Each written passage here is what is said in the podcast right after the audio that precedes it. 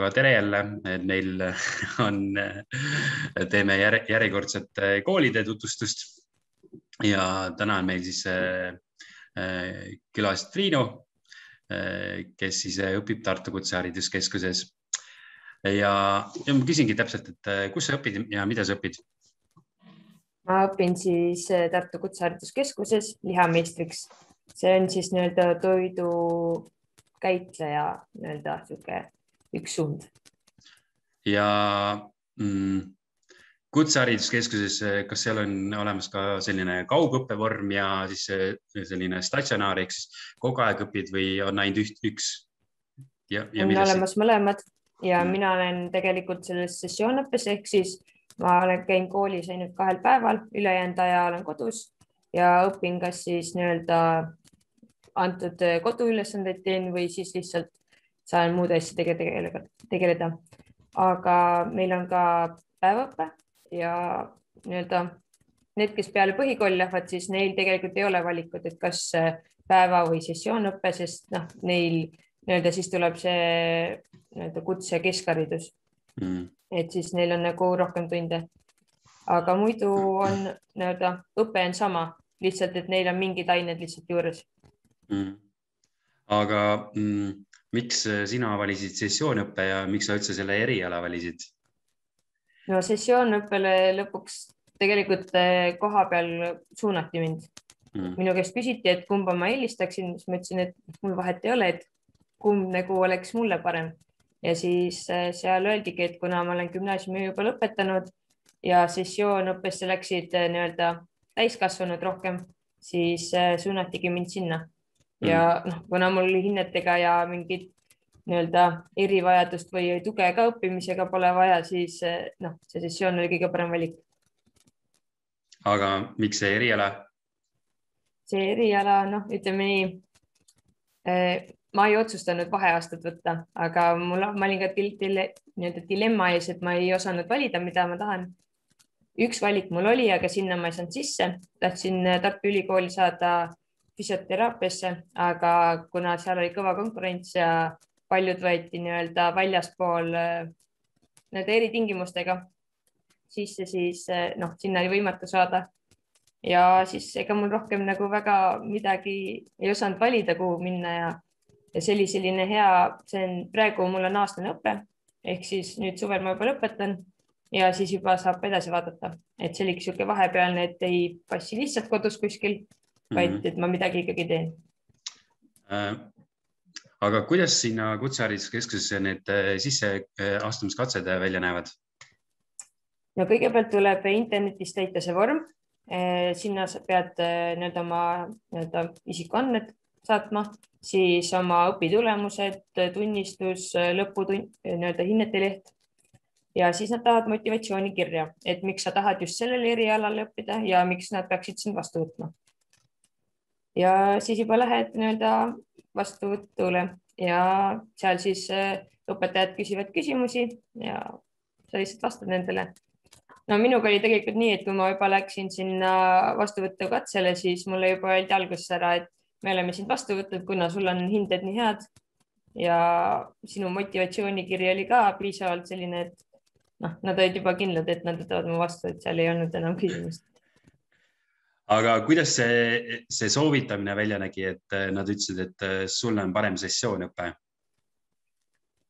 no sealt tuligi, nad küsisid, et äh, kuhu ma ennast kandideerisin ja siis ma ütlesin ausalt, et ma tegelikult ei tea, sest kui ma internetis nii-öelda oma andmeid sisestasin, siis ma nagu ei näinud seda võimalust, kus seda valida ja siis ma hakkasingi uurima ja küsisin ka nende käest, et nagu, mis vahe see on või noh, et mis vahe see nii-öelda minu jaoks on, seda ma teadsin, et mis vahe on sessioonõppel ja päevaõppel. aga just, et kui mina tulen õppima, näiteks sessioon, et kas ma siis äh, saan võib-olla see õpp, nagu nii-öelda õpe on lühem, et ma ei saa nii palju äh, teadmisi kui see päevaõpe. aga siis nad selgitasidki, et see päevaõpe ongi rohkem nendele, kes vajavad nagu rohkem tuge kodutöödega näiteks, kes kogu aeg juhendaks mm.. aga sessioonis ma olengi saanud teha paljusid asju iseseisvalt, lihtsalt öeldakse, et näed, see on vaja selleks kuupäevaks teha ja sa teed lihtsalt selle ära mm..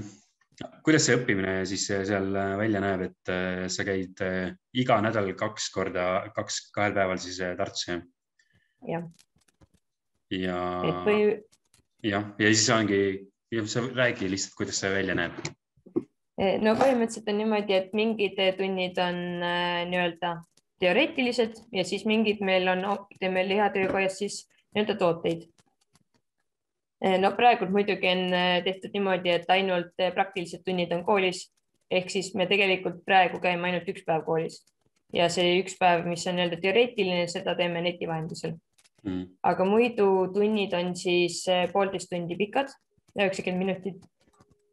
Ja siis ongi iga aine vahepeal siis noh, me oleme kokku leppinud, kuidas me teeme, et kui meil mingi aine näiteks on nii-öelda kaks korda üheksakümmend minutit, siis me oleme teinud näiteks ilma vaheajata ja siis teinud hiljem pikema pausi vahele. samas, kui on meil jälle nii-öelda praktiline, praktilised tunnid, siis on ka saanud niimoodi, et kuigi tunniplaaniga on nii, et noh, kuni kella seitsmeni näiteks läheb välja tunnid, aga kuna me jõuame oma asjad kiiremini tehtud ja kõik vajalik on pakitud ja töökoht on pestud, siis saab ka varem minema mm.. et selles mõttes, et on nagu paindlik või, või kui sa ütledki, et annad teada, et ma pean täna varem ära minema, siis see on ka täitsa okei okay,, et, et ei ole seda, et sa pead istuma selle kellaajani. ehk siis on äh, selline paindlik jah. aga mm, kui sa seal Tartus mitu päeva oled, siis äh, kas kus sina elad, ühikas, korteris? mul on enda korter. et ma elan korteris jah mm.. ja aga kas seda korterit sinna Tartusse on äh, lihtne leida? Äh? no selles mõttes, et minul oli lihtne, sest mul oli endal perekonnas juba korter olemas, et ma teadsin, et ma saan sinna minna hmm.. aga ma ei teagi, paljud, keda ma tunnen, on, et kellelgi tuttaval või sugulastel on mingi korter, mis noh, nii-öelda ongi ootanud, et, et kui keegi õppima tuleb, et siis on nagu olemas, kus olla. kas sa tead kedagi, kes e, e, enda tuttavatest, kes seal äh, Kutseka ühikas on ka? Kutseka ühikas ei tea, aga ma tean, kes on näiteks ülikooli ühikates olnud, et et mm. Äh, peab lihtsalt vist avalduse täitma ja siis maksad nii-öelda seda kuutasu mm,. okei okay., aga kas kooli poolt on mingit äh, rahalist tuge ka, stipendiumit, midagi muud, sõidutoetust? on, on olemas sõidutoetus, seda saab siis nii-öelda igakuuliselt. Äh, see oleneb nüüd muidugi ka, et kas sa oled, äh, et kus sa elad, et kui palju sulle kompenseeritakse. Need, kes on siis nii-öelda peale põhikooli tulnud, neile kompenseeritakse rohkem. aga need, kes on nii-öelda juba täiskasvanud, siis nei, nendel on nii-öelda vähem bussipileteid, mida kompenseeritakse. siis saab äh, kindlasti ka seda stipendiumit aga seda saab hakata alles taotlema peale esimest poolaastat hmm.. aga kui sa oled juba, kui oled mitmeaastase peal, siis eh, noh, saad nojah, selles mõttes, et pool aastat pead ära käima, et sa pead tõestama, et sa oled võimeline ikkagi eh, positiivselt õppima nii-öelda. ja, ja siis on veel.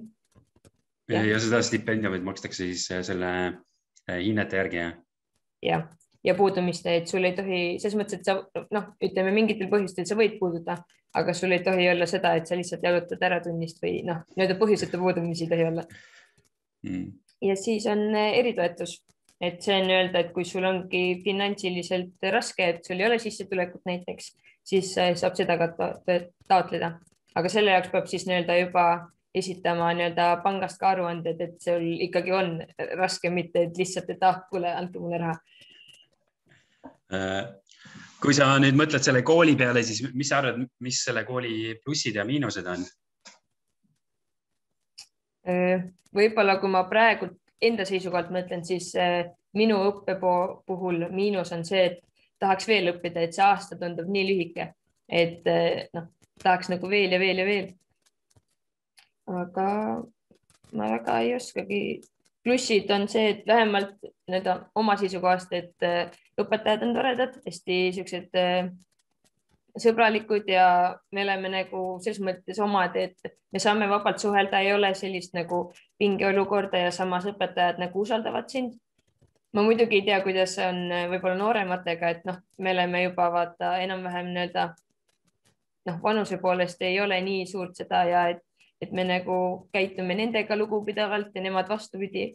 et mm. selline, no selles mõttes, et keskkond on tore ja ma ei tea, kool on ka kõik ilus ja noh, seal on hästi palju võimalusi, et koolis on võimalik käia sporti tegemas ja erinevates huviringides pärast hiljem, kui tahad ja ja et on noh, ühistegevusi on ka, kuigi praegult noh, nii palju ei ole saanud midagi teha, aga ja ei ole lubatud lihtsalt yeah.. Äh, mis sa arvad, mis on äh, veel oluline teada selle kooli kohta? see on hea küsimus. Võib-olla äh,, võib-olla. ma mõtlen äh, seda, et noh, ma olen jäänud selle Tartu Kutsehariduskeskusest ikkagi mulje, et, et kui sa oled sellises selles igapäevaõppes, siis seda puudumist jälgitakse ikka päris korralikult, et sa oledki nagu selles päris koolis, et, et kui ülikoolis noh, nii palju ei vaadata, kas sa osaled kuskil loengus või mitte, siis äh, seal on see väga oluline. Et äh, need, kes äh, tahavad sellist natuke vabamat õpet, siis pigem ongi soovitus see, et mine sessioonõppesse, et siis on, ongi sul see vabadus ise toimetada, aga mida, äkki on veel mingeid selliseid äh, olulisi asju, mis sul äh, tuleb pähe selle kooli kohta? no kindlasti üks, mis on, mida meie oleme aru saanud, mis on nagu kõige tähtsam, et kindlasti osale praktilistes tundides, et kui sa puutud seal teoori-, teoreetilises siis osas nii-öelda, siis ei ole hullu, sest seda sa saad ise kasvõi tagantjärgi õppida, sest materjal on olemas. materjalid on meil, vähemalt meil on kõik digitaalsed et äh, sa saad kõike uuesti vaadata, õpetajad panevad esitlused üles, mida ta tunnis räägib, et, et aga vot seda just praktilist osa, seda sa ei saa enam nagu siis, siis sa pead nagu nii-öelda minema a la peale tunde. aga noh, meil kedagi veel niimoodi pole jäetud. aga noh, ongi, et meil vaadatakse ka seda, et kui sa isegi praktilisest tunnist nagu puudud, siis eh, mingis tunnis sa ikkagi õpid sedasama asja uuesti, et see ju jääks meelde ja kui sa selle järgmiste tundidega saad selgeks, siis nagu ei ole seda, et, et näed, sa nüüd septembris ühe päeva puudusid, et sa pead nüüd tulema seda järgi tegema mm. -hmm. et mhm. kui sa oled nii-öelda selle asja selgeks saanud, siis on kõik okei okay. Ma arvan, kutsehariduskeskuse puhul ongi üldse oluline see, et äh, seal on praktikal äh, selline äh, suurem kaal ja tähtsus, et, et kes tahab sellist teoreetilist asja õppima minna, siis mm, nendel ongi soovitatav kuskile nagu kõrgkooli minna, kus on rohkem teooriat. aga kui sa lähed kutsekasse, siis ongi see hea asi, et seal on praktikat, seal rõhutakse praktikale ja praktikat on palju. Mm.. aga väljaspool kooli tegevused, et kas kool ise pakub midagi ja kas sa oled ise osalenud milleski, noh, praegust on see koroonaaeg, siis on keeruline öelda, et milles sa osaled, aga Äh, ei ole osalenud, aga meil on päris palju võimalusi. Äh, nagu igal koolil, meil on ka õpilasesindus, kes teeb nii-öelda erinevaid äh, sündmusi ja projekte, siis kindlasti meil on väga suur valik trenne, nii-öelda, et saab võrkpalli, korvpalli, et käiakse mängimas, kuigi noh, praegu jah ei saa, aga muidu on võimalused olemas, et jõusaal, siis on nii-öelda pallisaal, et saab ühistrenne teha.